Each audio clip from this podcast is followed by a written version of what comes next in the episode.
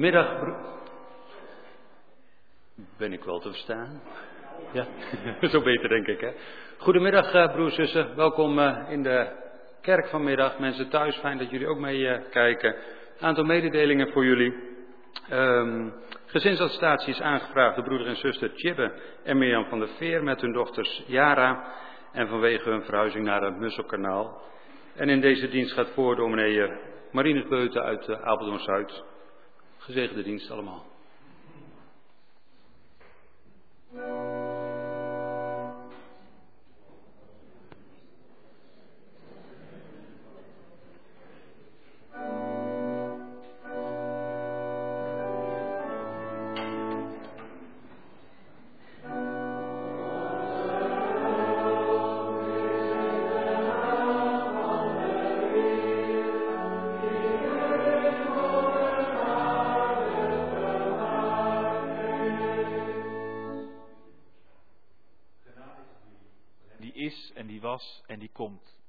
Zeven geesten die voor zijn troon zijn. En van Jezus Christus, de betrouwbare getuige. De eerstgeborene van de doden, heerser over de vorsten van de aarde.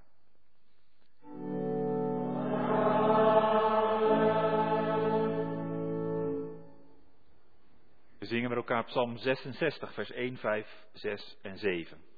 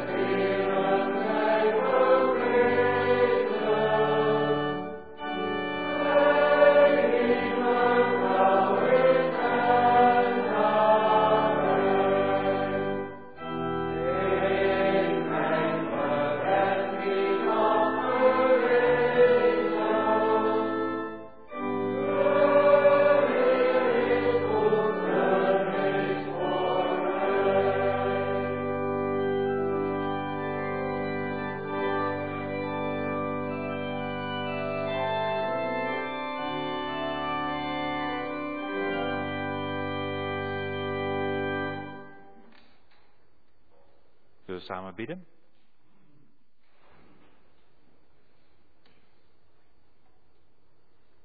Heer, dank u wel dat u een God bent die ons bidden hoort. Dank u wel dat u een God bent die naar ons luistert en onze gebeden ook verhoort. Dank u wel dat u uzelf groot wil maken in ons en in ons leven. Dat wij u mogen aanbidden als God van hemel en aarde. God van ons leven. God die ons gemaakt hebt. God die ons kent. God die met ons het leven leidt. God die ons redt in Jezus Christus. En God die ons vernieuwt door uw Heilige Geest. Zo zijn we ook deze middag bij elkaar in de kerk om, ja, om dicht bij u te zijn. Om woorden van leven te horen.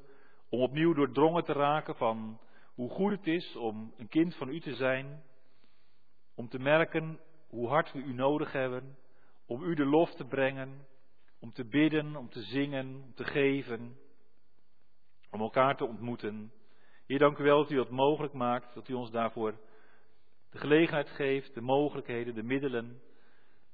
En wilt u uzelf ook verheerlijken hier in ons midden.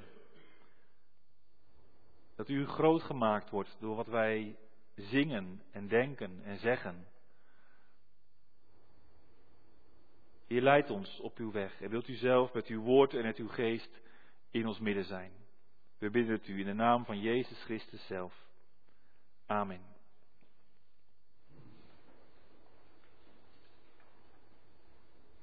Vanmiddag lezen we uit de Bijbel, uit het Evangelie van Marcus, hoofdstuk 4 vanaf vers 35 tot hoofdstuk 5 vers 20. En aansluitend zingen we een paar versen uit Psalm 27.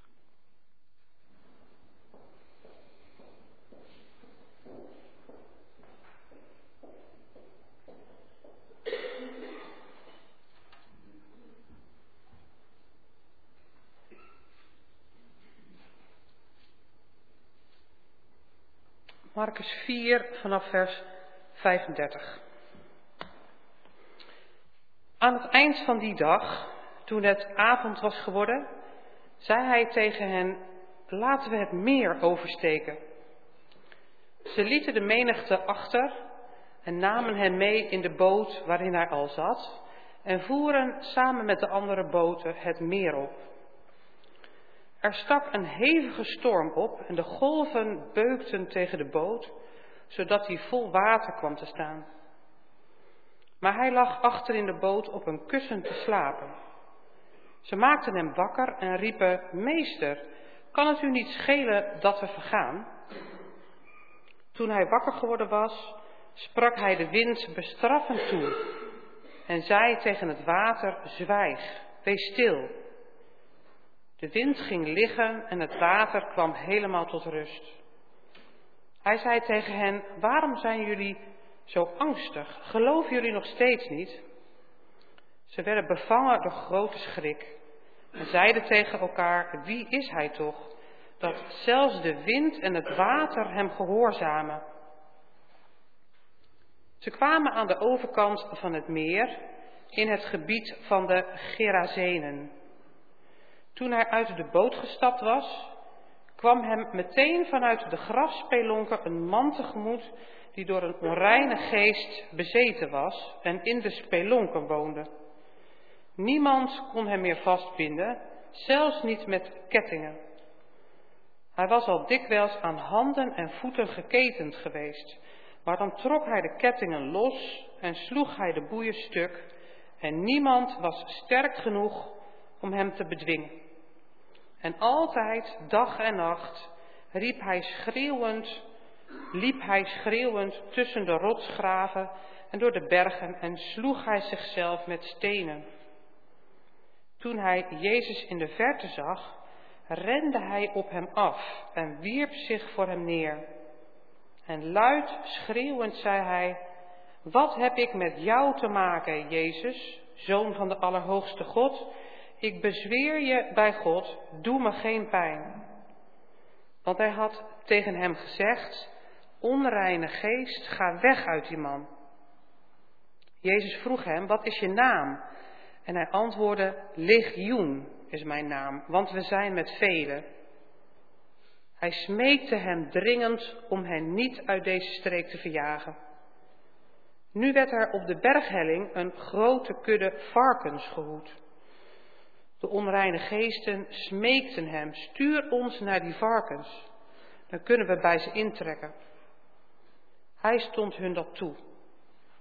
Toen de onreine geesten de man verlaten hadden, trokken ze in de varkens en de kudde van wel 2000 stuks stormde de steile helling af het meer in en verdronk in het water.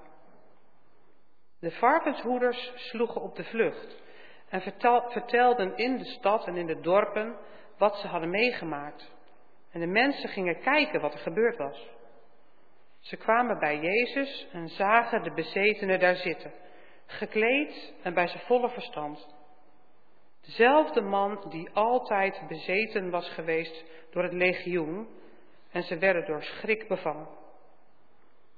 Degenen die alles gezien hadden, legden uit wat er met de bezetenen en met de varkens was gebeurd.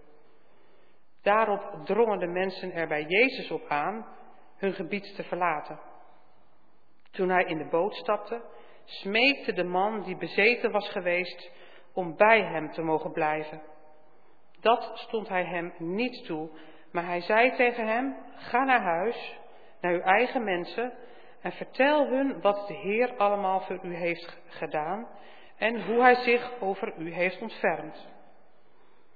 De man ging weg en begon in de Decapolis rond te vertellen wat Jezus voor hem had gedaan en iedereen stond verbaasd.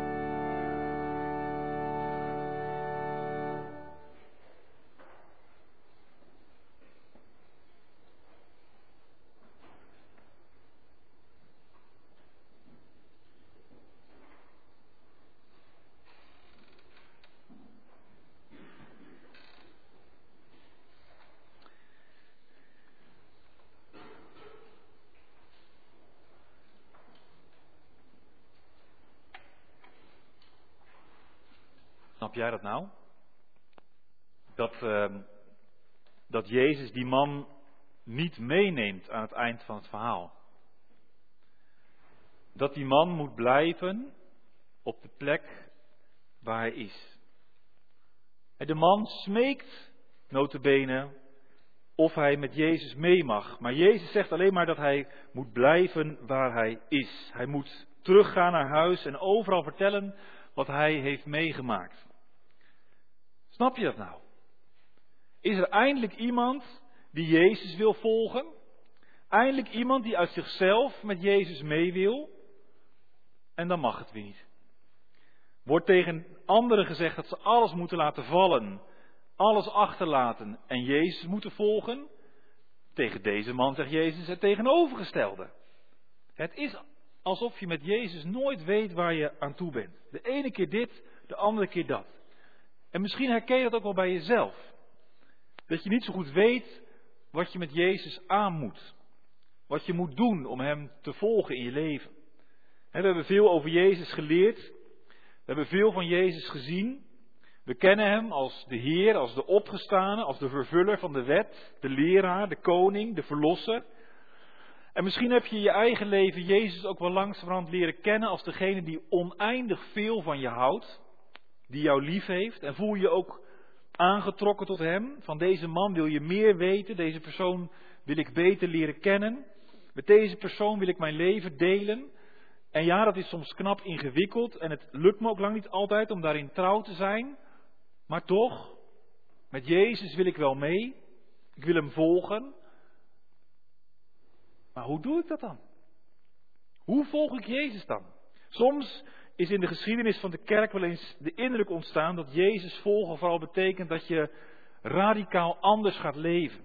dat je alles achterlaat wat je lief en dierbaar is en dat je erop uittrekt, de wereld in. Of juist dat je je terugtrekt, het klooster in. Om je helemaal aan God te kunnen wijden. En wij hebben vaak ook de neiging om te denken dat iemand die zijn hele leven zo aan God wijdt, bijvoorbeeld eh, in de zending, iemand die naar het buitenland vertrekt om daar de liefde van Christus uh, uit te delen en mensen te helpen. We hebben vaak de neiging om zo iemand toch meer als een volgeling van Jezus te zien dan wij zelf. Een betere volgeling van Jezus.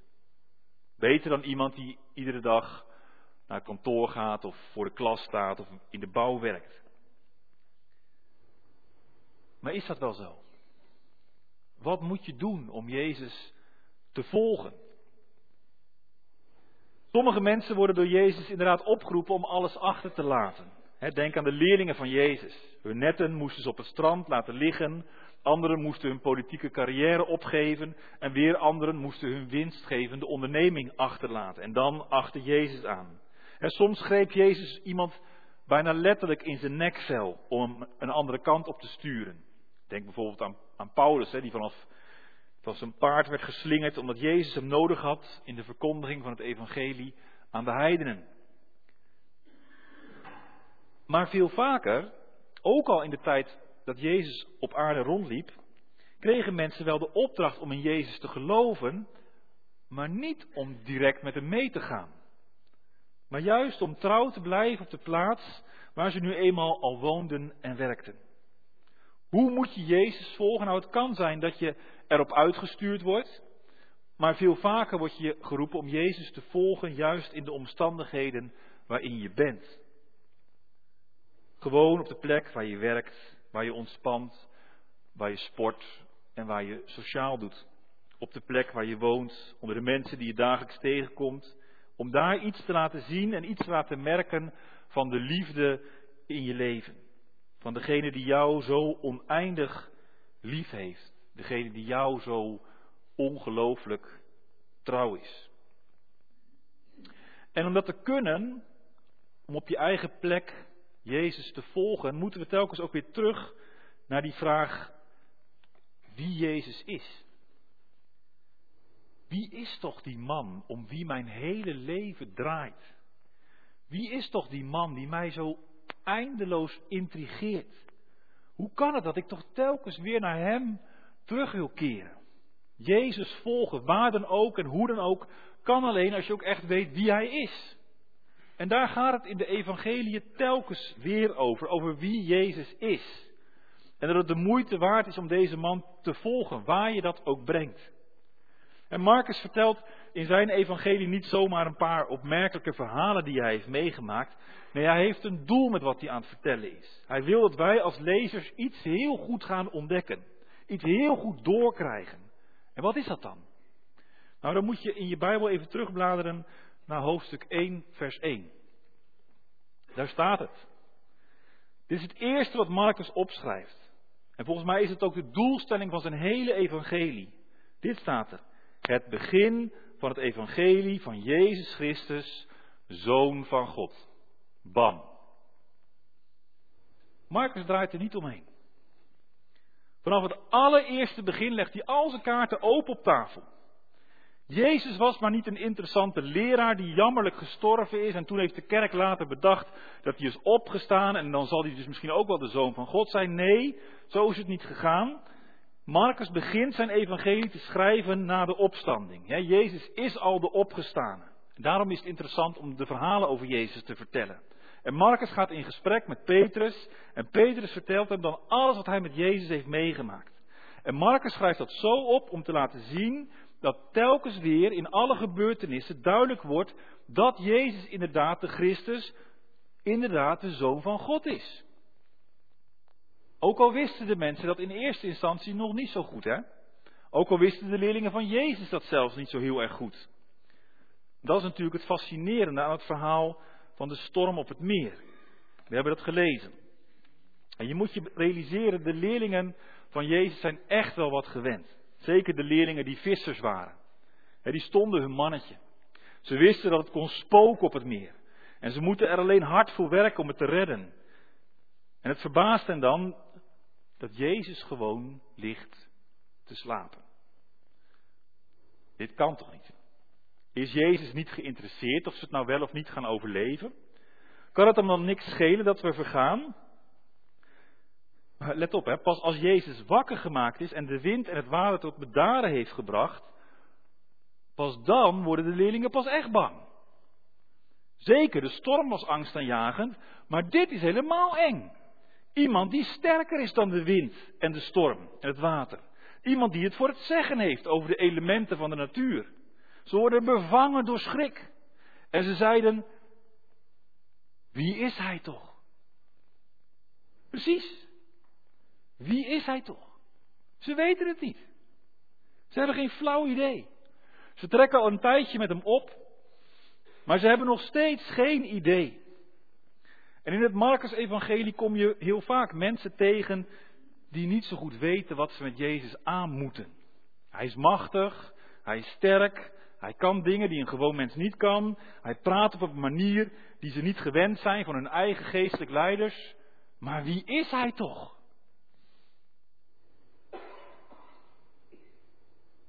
Maar, en daar gaat het verhaal in Marcus 5 over, er zijn ook wezens die heel goed weten wie Jezus Christus is. Dat is die bezeten man. Of misschien beter de demonen die deze man hebben overgenomen.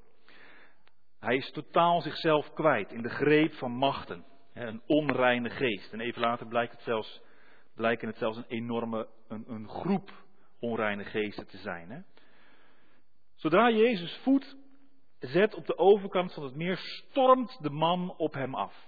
Als een, als een magneet wordt hij naar Jezus toegetrokken. Gek genoeg heeft deze man heel goed door wie Jezus is. De vraag van de leerlingen die ze net in de boot hebben gesteld. Nou, wie is hij toch? Die beantwoordt deze man onmiddellijk. Wat heb ik met jou te maken, Jezus, zoon van de Allerhoogste God? Hij weet wie Jezus is. Hij kan het niet ontkennen. En hij heeft met deze Jezus te maken. Hij komt er niet onderuit. Daarom werpt hij zich ook neer aan de voeten van Jezus. Maar tegelijkertijd wil hij niks met deze Jezus te maken hebben. En hij is doodsbang voor hem. Ik bezweer je bij God, doe me geen pijn. En denk nou niet dat dit een incident is. Dat kwade machten weten wie Jezus is. Blader maar weer even terug naar Marcus 1. Daar vertelt Marcus dat Jezus in Cafarnaum ook een bezetene genezen had. En wat schreeuwde die man? Wat hebben we met jou te maken, Jezus van Nazareth, Ben je gekomen om ons te vernietigen? Ik weet wel wie je bent, de heilige van God. En even later op diezelfde dag heeft Jezus opnieuw te maken met allerlei demonen. En dan zegt Marcus, Jezus stond ze niet toe om iets te zeggen, want ze wisten wie hij was. En even verderop, hoofdstuk 3, zegt Marcus het nog een keer.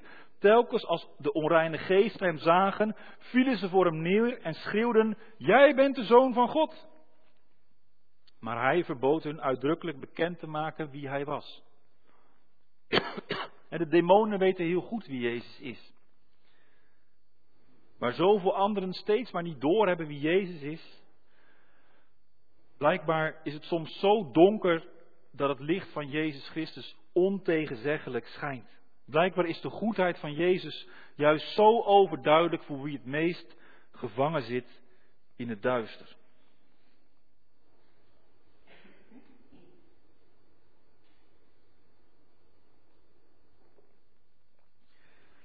Jezus is de zoon van God, de overwinnaar op de dood. Dat wil Marcus met zijn evangelie duidelijk maken. En dat doet hij hier in Marcus 4 en 5 in drie opeenvolgende gebeurtenissen die hij vertelt. Allereerst dat verhaal over de storm op het meer. Jezus blijkt daar sterker te zijn dan al het natuurgeweld. Vervolgens in dat verhaal over de genezing van de bezeten man. En hierna volgt direct het verhaal over de genezing van die vrouw die al twaalf jaar aan bloedverlies leed. En de opwekking van het dochtertje van Jairus. En in al die drie verhalen blijkt Jezus hetgeen te zijn die macht heeft. De macht van de opgestane Heer. De autoriteit die Jezus heeft, zelfs tegenover het, het heftigste kwaad. Ja, want dat is natuurlijk waar er hier sprake van is. Er is sprake van veel kwaad in dit verhaal. En Marcus maakt dat op allerlei manieren duidelijk. Dat begint al, dat voelen wij niet meer aan, maar dat begint al in het feit dat Jezus oversteekt, het meer oversteekt. Hij komt zo terecht, staat in het gebied van de Gerasenen. Nou, dat zegt ons waarschijnlijk weinig, de Gerasenen. Maar Gerasa was een van de steden van de Decapolis. De Decapolis was een gebied ten ehm, zuidoosten van het meer van Tiberias. Een gebied van tien steden, dat betekent Decapolis ook tien steden. Um, en een van die steden was uh, Gerasa. En dat was in principe heidens gebied. Het hoorde wel bij Israël, maar er woonden vooral veel heidenen. En ja, er woonden ook wel gemeenschappen Joden, maar wij zouden zeggen die waren behoorlijk geseculariseerd. Hè? Die, die, die, die waren, dat waren niet hele enthousiaste godvereerders. Liberaal in hun denken, meegenomen in het overheersend Griekse, uh, de Griekse cultuur van dat gebied. En het feit dat er varkens gehoed worden, dat moet ons eigenlijk al genoeg zeggen voor een oprechte Jood waren varkens natuurlijk onreine dieren. Daar bleef je uit de buurt. Dus dat is één. Jezus betreedt hier heidens gebied. En dan twee, die bezeten, die bezeten man. Hij is bezeten door een onreine geest. Deze man was niet te handhaven in de gewone maatschappij. Hij was vervuld van razernij, van boosheid, onaangepast, niet te temmen. Zelfs een ASO-woning had hij nog in elkaar getrimd. Hè. Dat, onhoudbaar voor anderen. Niet te gezeggen. En daarom drie woonde deze man ver af bij de mensen vandaan. In grafspelonken staat er. Ook dat is onrein. Onrein gebied. Graven, de dood. Zoals je wellicht weet, wie een dode aanraakt, is volgens de wet van Mozes onrein. Nou, deze man leeft met de doden. Hij is er zelf in. Hij belichaamt het terrein van het niet zijn. Hè? Al, al het leven is uit hem, uit weggezogen. Zoals je, als je de Harry Potter films gezien hebt, daar komen dementors in voor. Dat zijn hele angstaanjagende wezens en die zuigen de ziel uit je, uit je lijf. Dat is wat dementors doen. Nou, zo is deze man er ook aan toe. Niets menselijks meer. Hij loopt schreeuwend rond. Hij verwondt zichzelf, is zelfdestructief. En als Jezus aan zijn, zijn naam vraagt, dan volgt het afgrijzelijke antwoord: Legioen is mijn naam, want wij zijn met velen. Hier concentreert zich het kwaad. Hier valt door niemand nog wat aan te doen. Dit is, dit is, dit is opgegeven gebied. Dat heb je soms in een oorlog. Als je dat je, dat je een bepaald gebied aan de vijand moet laten. Dat, dat geef je op. Het is niet langer te verdedigen, opgegeven. En niemand kan hier meer iets voor doen. Dit is hopeloos. Dit is om wanhopig van te worden. Dat is de situatie van deze man. En eerlijk gezegd kom ik niet dagelijks zulke mensen tegen. En ik vermoed dat dat voor de meeste van ons geldt. Sowieso ken ik ook geen demonen. Maar, maar dat is soms stukjes van je leven kunnen zijn die je als het ware hebt opgegeven. Dat herken ik eigenlijk wel. Dat je misschien wel gestopt bent met vechten tegen somberheid, omdat je het toch niet kan overwinnen. Of dat je je hebt neergelegd dat er, dat er verslavingen in je leven zijn die jou in de greep houden. Hè? Alcohol, porno of, of wat ook maar. Of dat, je, of dat je bij kritiek op je gedrag vaak verzucht, ja, ja, ja, zo ben ik nou eenmaal. Dat is opgegeven gebied. Ken, je dat in je eigen leven? Dat er, dat er stukjes zijn die je hebt opgegeven? Waarvan je ook niet meer gelooft dat het nog gaat veranderen? Welke, welke wedstrijd ga, ga jij niet meer winnen? Inderdaad, de mensen konden hem niet meer vastbinden. Zelfs de sterkste ketenen rukte hij nog los. Niet te temmen, niet te bedwingen. Hier raast het kwaad in het leven van deze man. En niets houdt hem tegen. Oh nee? Totdat Jezus op het toneel verschijnt. Dan is er geen houden meer aan. En zelfs het grootste kwaad Zelfs de grootste concentratie van, van demonen hebben niets in te brengen tegen de zoon van de Allerhoogste God. Als Jezus op het toneel verschijnt, is het onmiddellijk gedaan. Hoe onrein de omgeving ook is, die plek, hoe onrein de man ook is, hoe verstrikt hij zit in het kwaad, hoe zelfdestructief, Jezus blijft soeverein overeind in dit verhaal. Het kwaad kan niet anders dan buigen, al is het met grote tegenzin. En ik zie in die reactie van die man een herkenbare dubbelheid. Aan de ene kant komt hij op Jezus af. En hij werpt zich voor hem neer. Het lijkt op een soort overgave. Tegen zoveel goedheid kan ik niet op. Maar tegelijkertijd is er ook de angst voor wat dat met zich meebrengt. Doe mij geen pijn, roept hij er nog bij. Ik herken dat eigenlijk wel. Ja, bij Jezus willen zijn. Maar nee, tegelijkertijd ook bang zijn voor de consequenties die dat met zich meebrengt. Deze man voelt haar fijn aan dat als je bij Jezus welkom bent, dan ben je welkom zoals je bent. Maar Jezus laat je niet zoals je bent. Dat is, dat, dat, er gaat iets gebeuren. En dat het, kan wel eens een pijnlijk moment worden, een pijnlijk gebeuren worden. Als Jezus het kwaad in jouw leven gaat aanpakken. Als Jezus al die opgegeven gebieden in jouw leven betreedt. En de onreine geesten de deur wijst. De goedheid van Jezus trekt aan, maar het, het stoot ook af. Dat zie je voortdurend gebeuren in de evangelie. En later zegt Jacobus dat ook. Hè? Die zegt, de demonen geloven echt wel dat God bestaat. Ze weten echt wel wie hij is. Maar ze zijn er doodsbang voor. De goedheid van God is geen pretje voor demonen. En voor al die opgegeven stukjes in ons leven net zo goed niet.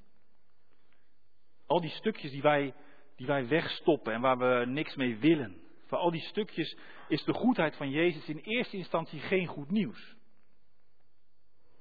En zie je trouwens niet hetzelfde gebeuren bij de mensen die er even later bij komen om te kijken. Hè? Je zou denken dat ze blij zijn met dat deze woesteling weer helemaal normaal geworden is. Aangekleed, rustig, bij zijn volle verstand, zit hij daar.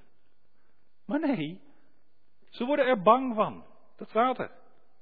Net zo bang als de leerlingen eerder toen Jezus de wind en het water het zwijgen oplegde. Zo bang worden deze mensen van Jezus die demonen wegstuurt. Deze man is een maatje te groot.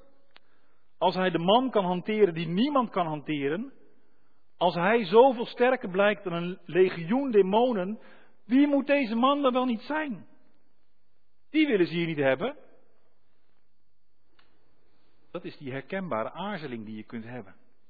Zoveel macht, zoveel majesteit, zoveel power, zoveel glorie. Dat trekt aan. Maar het stoot ook af.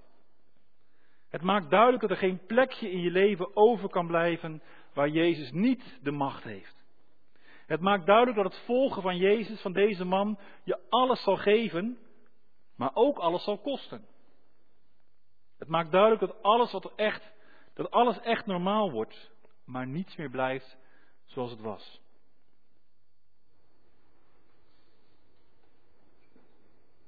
En Jezus laat zich nog gewillig hun gebied uitsturen. Maar die genezen man blijft achter als een blijvende herinnering aan wat hier gebeurd is. Hij zal in de streek blijven vertellen wat de Heer voor hem gedaan heeft. Hoe barmhartig God voor hem geweest is. En hij moet Jezus volgen door naar huis te gaan, naar zijn eigen mensen, en hen te vertellen wat hij heeft meegemaakt. En daarin blijft de uitnodiging voor de mensen aan de overkant van het meer openstaan. En ze kunnen Jezus wel wegsturen, maar hij blijft aanspraak maken op hun leven. Ja, Jezus wil jou helemaal. Hij wil je tot zijn volgeling maken. Hij wil ook die opgegeven stukjes in je leven aanpakken. Hij wil je rein maken, helemaal.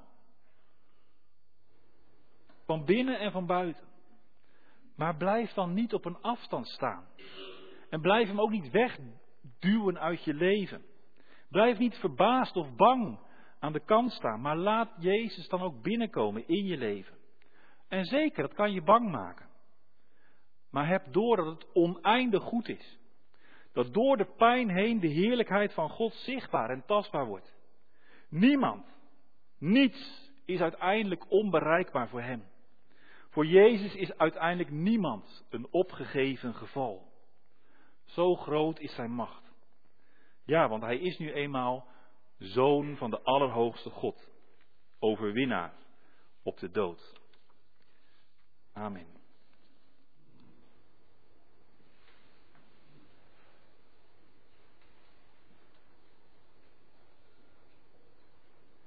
Laten we met elkaar zingen gezang 800 uit het liedboek.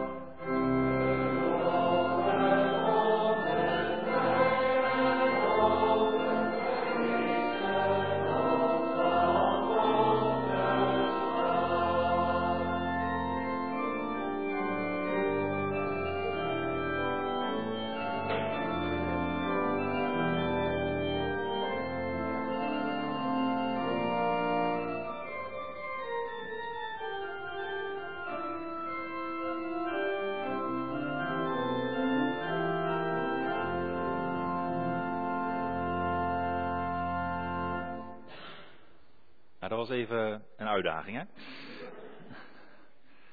Een melodie die, al, die je dacht te kennen, maar die toch net iets anders ging.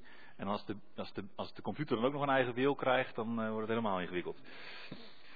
Zullen we elkaar danken en bidden?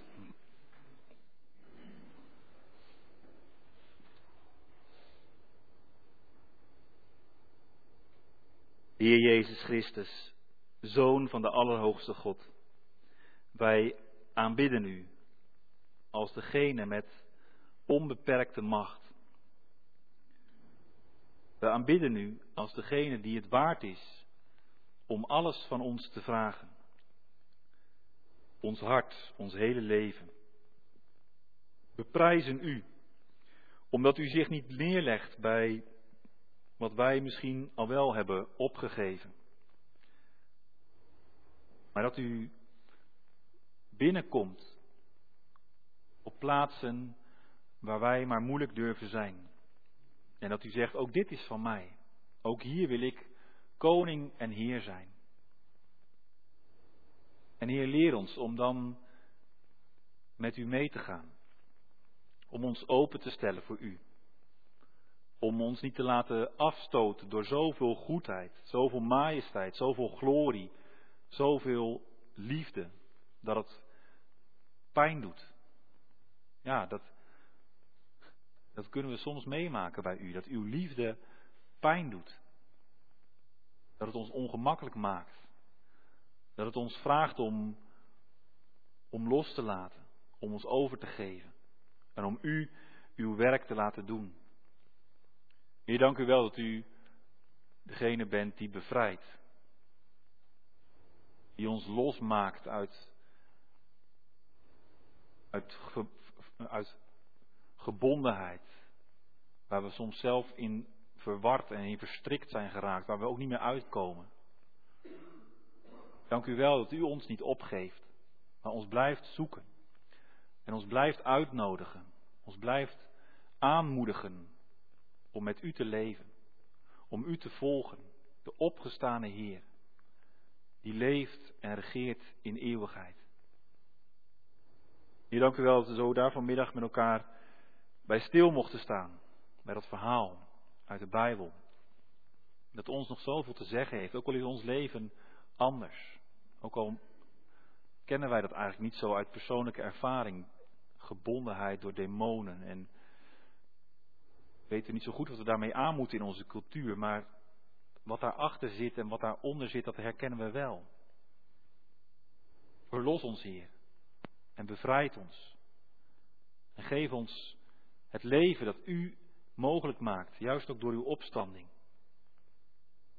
En maak ons ook duidelijk op wat voor manier wij ons, op wij U in ons leven uh, mogen volgen. Wat het voor ons betekent, concreet. Waar wij uw liefde kunnen laten zien. Waar wij kunnen laten doorschemeren hoe, hoe groot het, het geluk is dat we u kennen. En dat u de Heer bent van ons leven. Ga zo met ons in de week die voor ons ligt. Bij alles wat er op ons afkomt. Op ons werk, op school, thuis. Waar we ook maar zijn en wat we ook maar meemaken. Geef dat we u niet uit het oog verliezen. U die ons altijd voorgaat. Heer, schenk ons uw Heilige Geest. Want we beseffen dat we dat zo hard nodig hebben als het daarover gaat. Om het juiste zicht te houden op u, het juiste zicht te houden op onszelf. Om op een goede manier naar deze wereld te kijken, niet veroordelend of afwijzend of kritiekloos, maar met de ogen van u. Jezus Christus, Zoon van God. U aanbidden we om wie u bent. En we prijzen uw naam voor wat u gedaan hebt op aarde en voor wat u nog steeds doet in de hemel. Laat uw koninkrijk zichtbaar worden in ons en in ons leven. En laat uw koninkrijk komen in deze wereld, als u verschijnt in heerlijkheid. We bidden het u. Amen.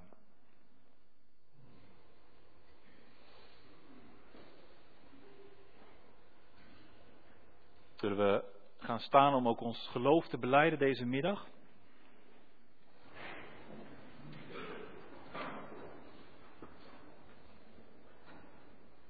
Samen met christenen over de hele wereld en christenen van alle tijden beleiden wij. Ik geloof in God de Vader, de Almachtige, Schepper van de hemel en de aarde. En in Jezus Christus, zijn enige geboren Zoon, onze Heer, die ontvangen is van de Heilige Geest, geboren uit de maagd Maria, die geleden heeft onder Pontius Pilatus, is gekruisigd, gestorven en begraven, neergedaald in de hel. Op de derde dag opgestaan uit de doden, opgevaren naar de hemel en zit aan de rechterhand van God, de Almachtige Vader. Vandaar zal hij komen om te oordelen de levenden en de doden. Ik geloof in de Heilige Geest.